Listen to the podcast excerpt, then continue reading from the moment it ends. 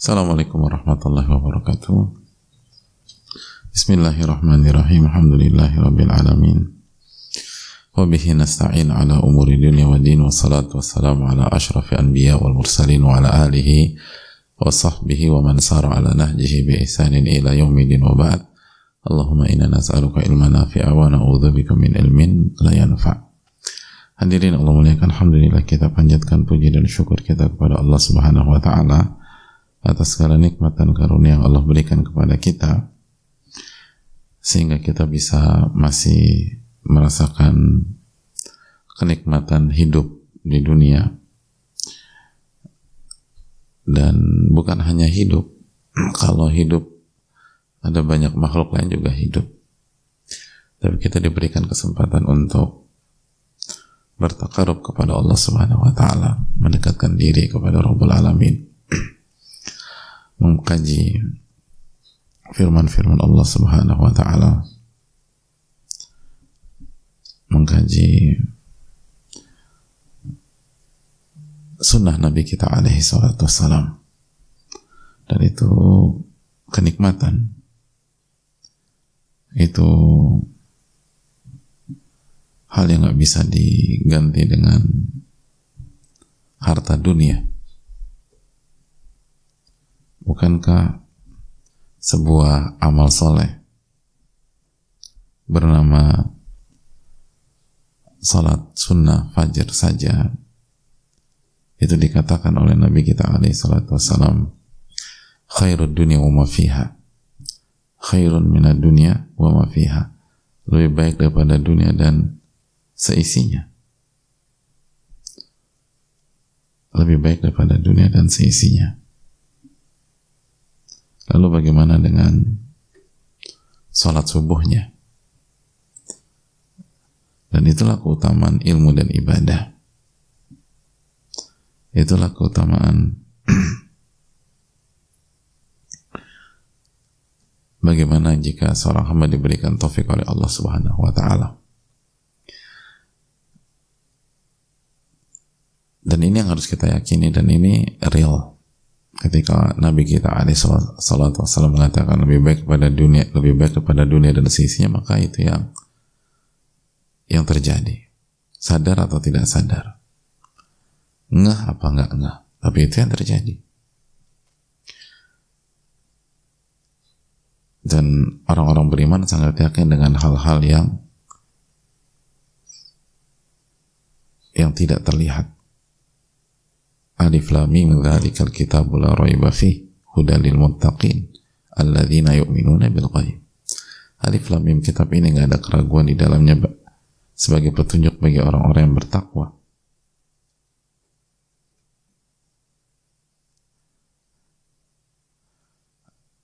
Sebagai petunjuk bagi orang-orang bertakwa siapa mereka?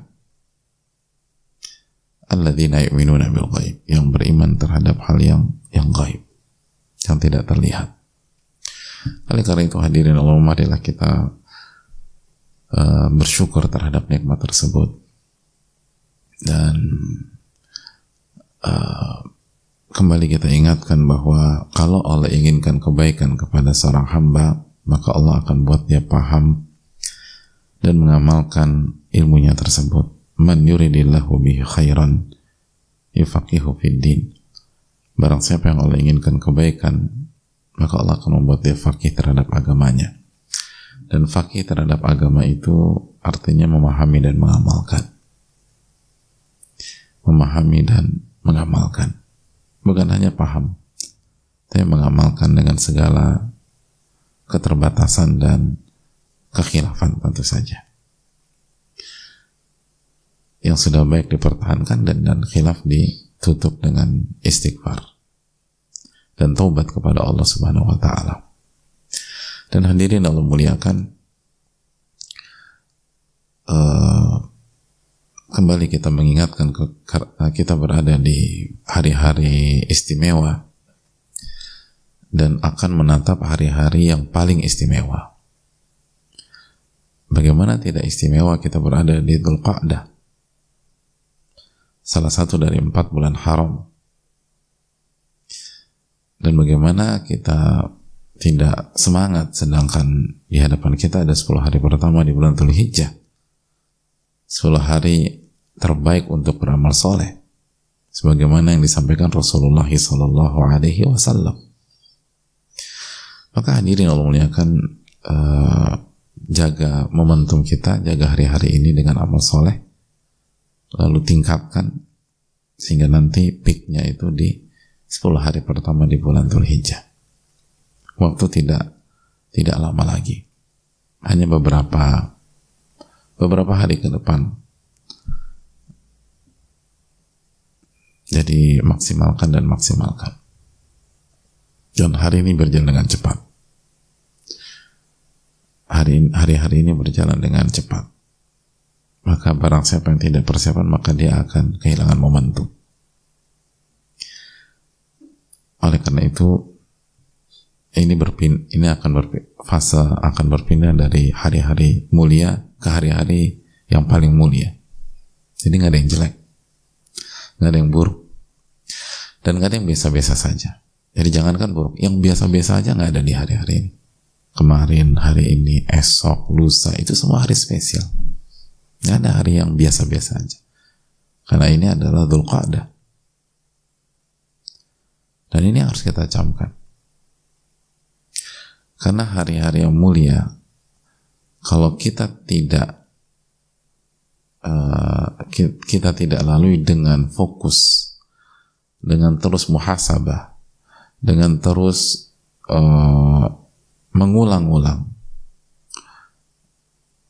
dengan yaqadah, dengan penuh kesadaran, maka akan dianggap biasa-biasa aja.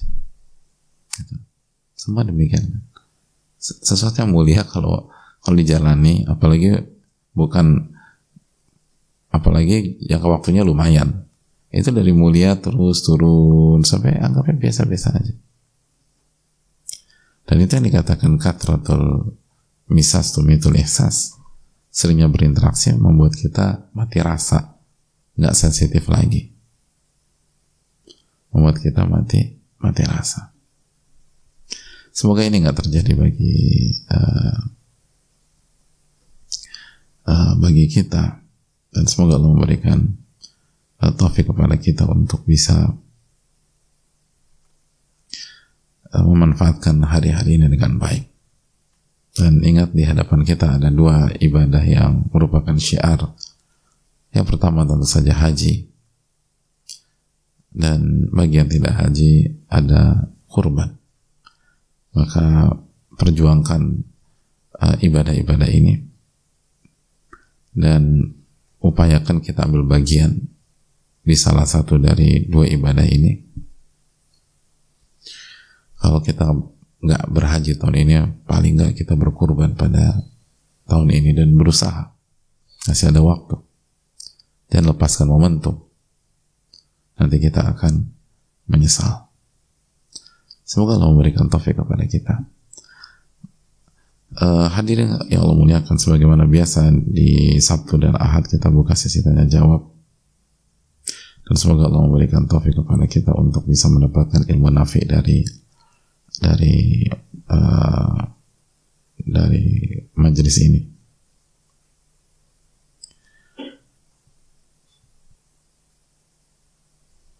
Assalamualaikum warahmatullahi wabarakatuh. Waalaikumsalam warahmatullahi wabarakatuh. Barakallahu fikum wa ahlikum wa jami' uh, Barakallahu fikum wa ahlikum wa jami' Allahumma amin amin ya rabbal alamin. Semoga Allah merahmati Ustaz beserta keluarga dan seluruh kaum muslimin amin ya rabbal alamin. Izin bertanya bagaimana syariat mengajarkan kami yang sedang di puncak keputusasaan yang sangat karena ketika sedang ada masa sedang ada masalah besar dan dijauhi oleh orang-orang terdekat, mohon motivasi dan sarannya dari Ustaz agar tidak sampai ada pikiran lagi untuk bunuh diri. Jazakallah khairan.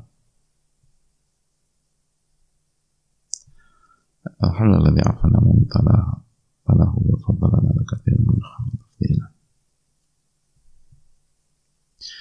Hadirin Allah muliakan. Uh,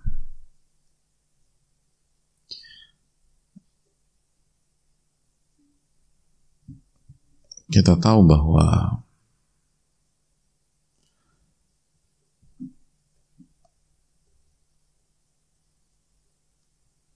orang yang benar-benar menyelami ilmu dan kembali kepada Allah Subhanahu wa taala maka pasti akan melahirkan harapan. Pasti akan melahirkan harapan.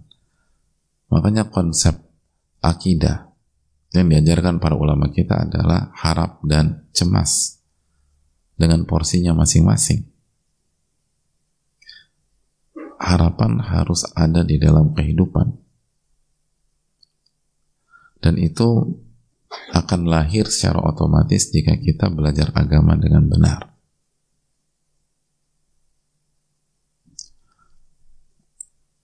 Maka saran pertama kita adalah terus belajar dan terus berinteraksi dengan Al-Quranul Karim dan Sunnah Nabi SAW dan beribadahlah dengan meyakini dan meresapi apa yang kita kerjakan. Hadirin bukankah surat yang terbaik adalah surat Al-Fatihah? Dan surat ini diperintahkan untuk dibaca belasan kali setiap hari. Minimum. Minimum. Setiap rokaat kita wajib baca Al-Fatihah. Itu rukun salat wajib. Itu kalau kita hanya salat wajib. Itu aja udah 17 rokaat. Lalu bagaimana kalau kita tambah dengan salat-salat sunnah? Dan bukankah Al-Fatihah surat yang penuh dengan ayat-ayat yang memberikan kita harapan?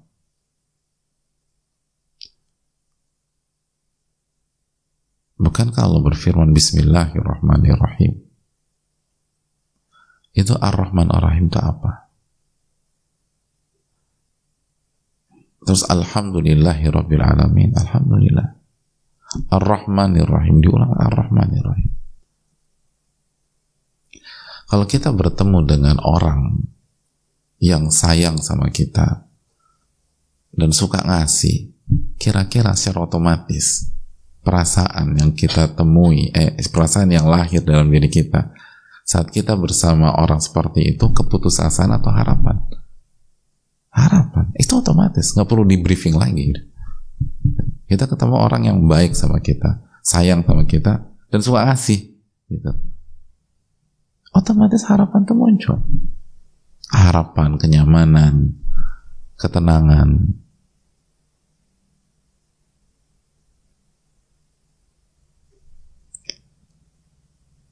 makanya kan kita disuruh bersahabat dengan orang-orang beriman wala yusahib illa mu'min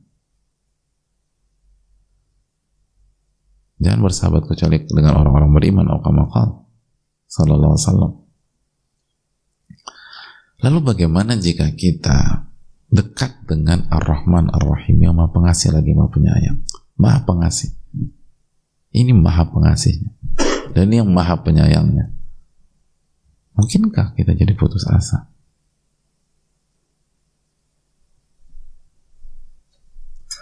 Oleh karena itu opsinya cuma dua. Orang yang seperti itu dia nggak sholat, sehingga dia nggak baca sholat itu. Atau dia sholat dia baca tapi dia nggak hanya lisan saja yang nggak ada hati nggak terlibat.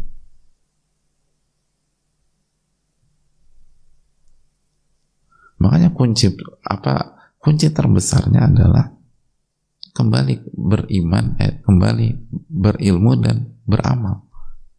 Itu otomatis.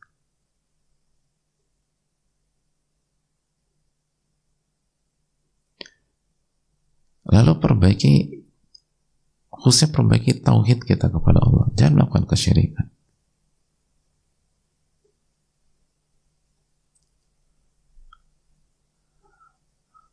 Jadi itu kuncinya.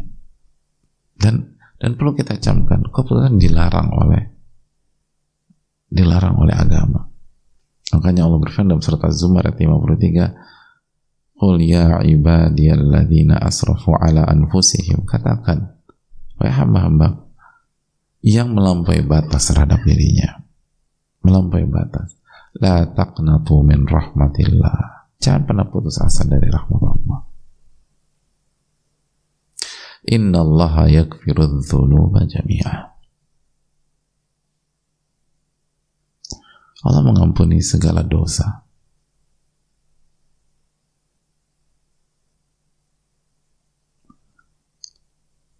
Jika hamba itu bertobat. Innahu huwal ghafurur rahim. Lihat, sesungguhnya Allah Maha Pengampun lagi Maha Penyayang.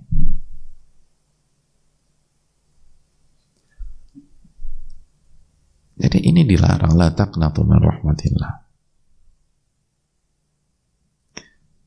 Nggak boleh putus asa.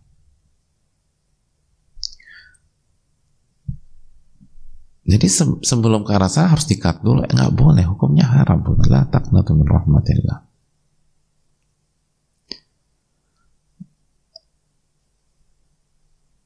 Hadirin Allah muliakan.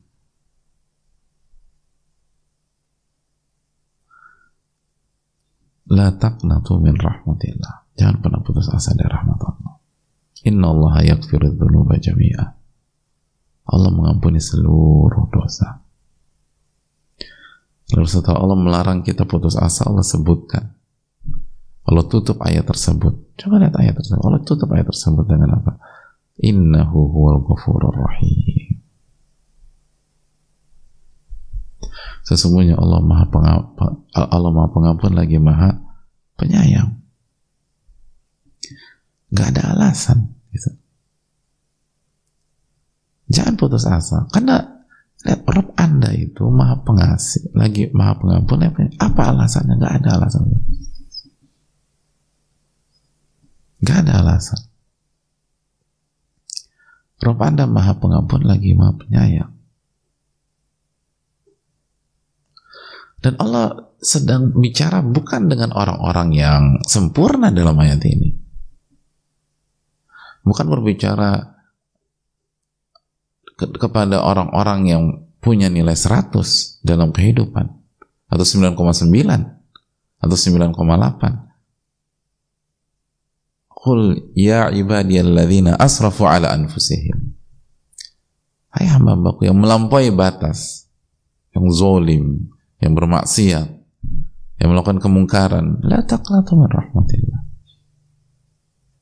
jangan putus asa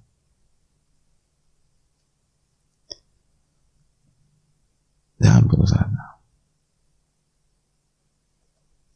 Inna Allah yakfiru dhunuba jami'a.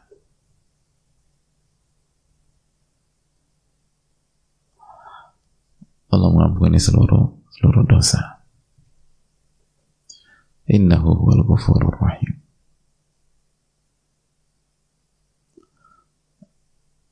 Oleh karena itu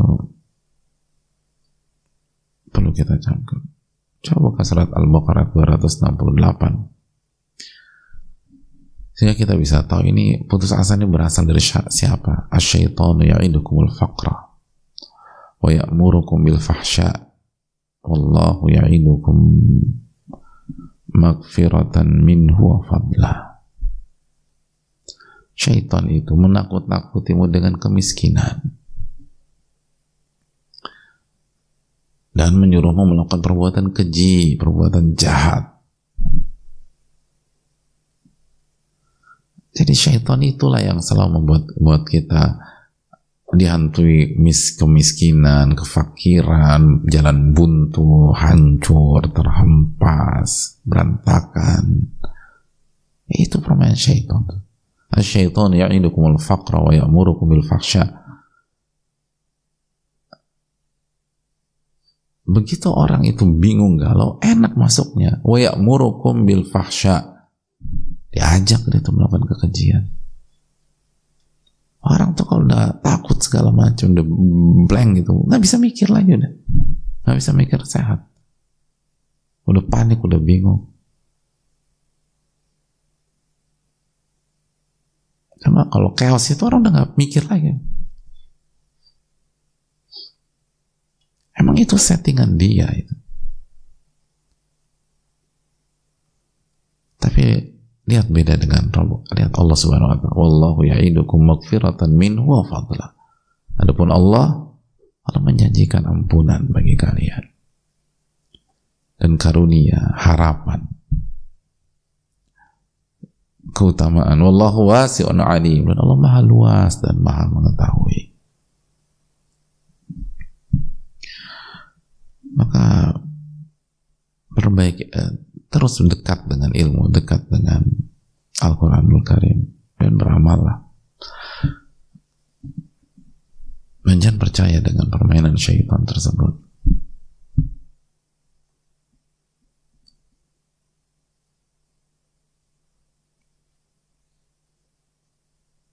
Dan memang dibisikkan sama syaitan itu.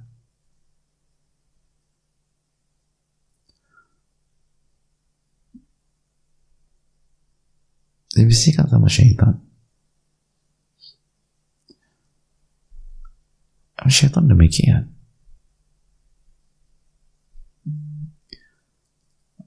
Oleh karena itu, itu yang perlu kita tanamkan bersama-sama. Lalu yang berikutnya butuh lingkungan hadirin lingkungan. Kalau demikian jangan sendirian. Jangan sendirian. Apalagi kan ketika kita sudah sampai titik ini, kita butuh booster keimanan. Kita butuh booster, uh, artinya sering kali kan iman kita belum belum langsung kuat gitu loh. Butuh proses.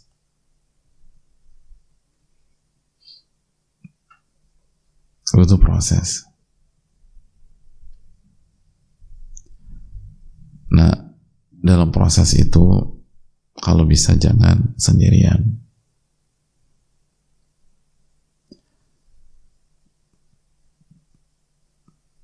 Apa kata Nabi kita sallallahu alaihi wasallam? Dalam hadis keluar dan kuatkan Imam Abu Dawud. Fa inna ma ya'kulu dhi'bu minal ghanamil qasiyah. Sesungguhnya yang dimakan serigala adalah domba yang terpisah dari rombongan.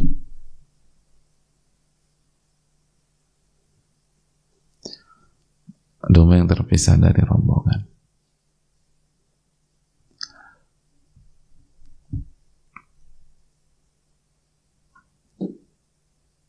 Jadi maksudnya apa? Maksudnya jangan sendirian. Anda sendirian. Anda rentan dimakan oleh syaitan. Serigala ini syaitan. Dijelaskan sebenarnya para ulama. Domba itu tadi. Jangan, jangan sendirian. Bahaya.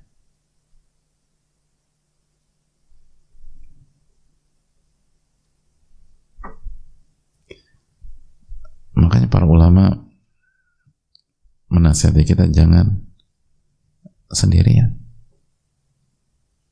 Jangan sendirian. Apalagi kondisi kayak gini. Makanya di antara para ulama juga membawakan hadis Abu Daud juga. Ar-raqibu syaitan. Orang yang berjalan sendiri itu syaitan. Oh. Maksudnya apa nih? maksudnya rentan digoda oleh syaitan dipengaruhi oleh syaitan kalau jalan sendiri rentan digoda syaitan maka ketika kondisi ini kondisi normal. Gimana kalau kondisi udah sampai pada titik udah pengen bunuh diri? Maka setelah mendekat kepada Allah PR berikutnya adalah blok akses syaitan itu dengan lingkungan. Lingkungan apa? Ngasal nggak bisa ngasal hadit lingkungan yang isinya orang-orang yang bertakwa kepada Allah lingkungan yang isinya orang-orang yang dekat sama Allah Subhanahu wa taala lingkungan orang-orang yang ingin men, uh, menjadi orang-orang yang dicintai oleh Allah Taala. Nah, itu. Insya Allah kalau ilmu di, ilmu dijaga terus, terus amal dijaga terus, lalu lingkungan ada, maka otomatis itu akan membuat kita mendapatkan solusi bukan hanya jangka pendek tapi jangka panjang. bukan hanya jangka pendek tapi jangka panjang.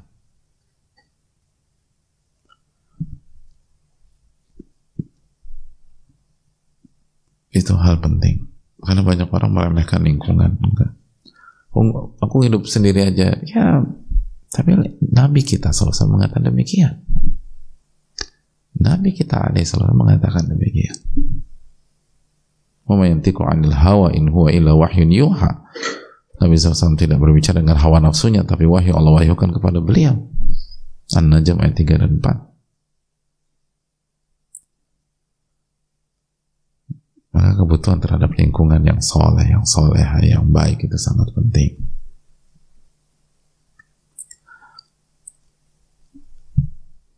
Itu poin dan banyak-banyak doa kepada Allah Subhanahu wa taala. Dan kita tahu bunuh diri adalah dosa besar. Bunuh diri adalah dosa besar dan tidak menyelesaikan masalah. Tidak menyelesaikan masalah. Itu menyelesaikan masalah dengan masalah yang lebih parah bisanya.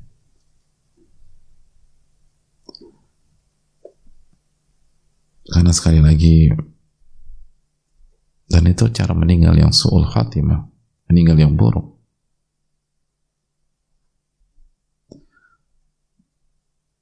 Kita punya masalah, gitu loh.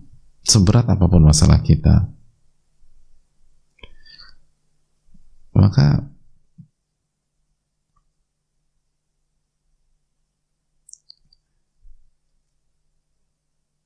kalau kita jalani dengan iman, itu pak masalah akan menggugurkan dosa. Tapi kalau kita selesaikan dengan bunuh diri, kita selesaikan dengan su'ul khatimah.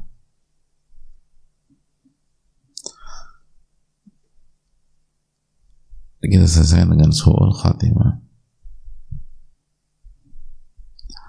Itu yang jangan sampai kita uh, lakukan hadirin Allah muliakan.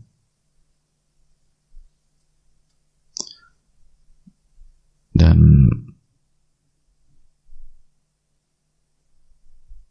itu sangat bahaya.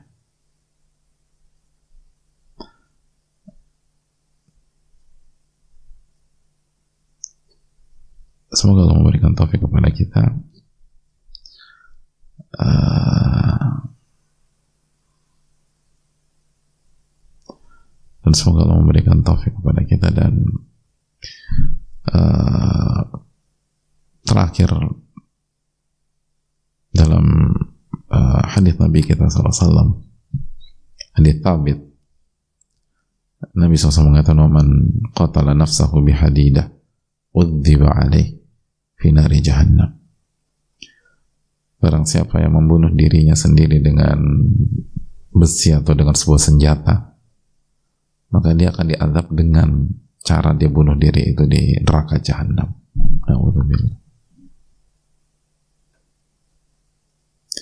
Sekali lagi itu yang perlu kita barang siapa yang bunuh di bunuh membunuh dirinya sendiri dengan sebuah besi atau sebuah senjata atau sebuah cara maka dia akan diadab oleh Allah di neraka jahanam dengan cara yang dia pilih sendiri. Alhamdulillah, subhanallah. Pertanyaan jadi apakah itu solusi? Bukan. Jadi ini ilusinya syaitan, sudah. Itu ini tujuan syaitan. Dia ingin kita diadab di hari kiamat. Dia akan diadab dengan cara yang sama. Dia akan diadab dengan cara yang sama. Naudzubillah, teman. Jangan mau dijebak oleh syaitan.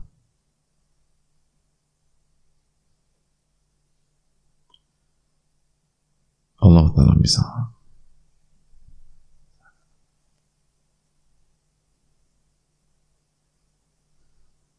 Assalamualaikum warahmatullahi wabarakatuh. Waalaikumsalam warahmatullahi wabarakatuh. Semoga Imam Nawawi dan para ulama lainnya selalu dirahmati oleh Allah Subhanahu wa taala. Amin rabbal alamin. Ustadz dan keluarga tim seluruh umat Islam selalu dalam lindungan Allah. Amin rabbal alamin wa iyyakum. Mohon maaf Ustadz, saya mau bertanya suami saya telah ditinggal pergi oleh ayahnya yang menikah lagi semenjak beliau berumur 4 tahun dan tidak dibiayai sampai beliau selesai sekolah. pernah bertemu sesekali saat beliau SD, namun dengan menyombongkan diri, ayahnya adalah orang yang hebat.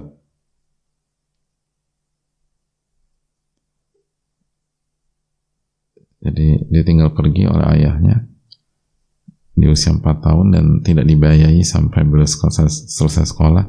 Pernah bertemu sekali saat beliau SD, namun dengan menyombongkan diri, ayahnya adalah orang yang hebat. Semakin kemarin ayahnya jatuh miskin, Suami saya masih menaruh dendam pada ayahnya yang tidak hadir untuknya semenjak kecil. Ketika suami mencoba menyambung silaturahim, ayahnya banyak merongrong untuk dibelikan ini dan itu, dan suami kembali tidak menyukai ayahnya, apa yang harus saya lakukan sebagai istri? Karena hubungan suami dan ayahnya kembali merenggang, jazakallah khairan. Ya terima kasih atas pertanyaannya. Sekali lagi ini yang ini salah satu contoh yang kita tekankan dalam bab ini bahwa hendaknya birrul walidain itu dibangun di atas tauhid di atas iman kepada Allah Subhanahu wa taala. Wa qadha rabbuka alla ta'budu illa iyyahu wa bil walidaini ihsana. Dan Allah perintahkan Anda untuk tidak uh, beribadah kecuali kepada Allah dan berbakti kepada orang tua dan berbuat baik kepada orang tua. Jadi sebelum perintah berbakti kepada atau kalimat sebelum perintah berbakti kepada orang tua adalah mentauhidkan Allah taala. Dan mentauhidkan Allah adalah menjalankan perintah Allah dan menjauhi larangan Allah Subhanahu wa taala dengan penuh rasa cinta dan kerendahan. Dan di antara perintah Allah Subhanahu wa taala adalah berbakti kepada orang tua walaupun orang tua tidak perform. Walaupun orang tua tidak uh, tidak menunaikan hak kita. Walaupun orang tua zalim, bahkan walaupun orang tua melakukan kezaliman yang paling parah, yaitu melakukan kesyirikan, Bahkan walaupun orang tua bukan hanya melakukan kezaliman yang paling parah, tapi mengajak kita, memaksa kita untuk melakukan kezaliman yang paling parah, yaitu melakukan kesyirikan sebagaimana surat Luqman ayat 15 dan Allah tetap mengatakan subhanahu wa ta'ala tuti'huma wa sahibhuma fid dunya ma'rufa. Jangan nurut kalau diajak maksiat atau lagi melakukan kesyirikan. Tapi tetap berinteraksi dengan mereka dengan cara yang yang baik. Jadi ingatkan uh, suami kita bahwa ini tentang mentauhidkan Allah Subhanahu wa taala bukan hanya sebatas ayahnya. Dan ini tentang suami kita. Ini tentang hati dia. Ini tentang hati suami kita. Hadirin uh, hidup dengan hati dendam itu nggak enak sama sekali. Dan kita sebagai istri harus mendukung suami kita untuk tidak mengalami quote and quote siksaan batin seperti itu. Dan ingat perintah Allah Subhanahu wa taala. Wabil walidaini ihsana. Berbuat baik pada orang tua.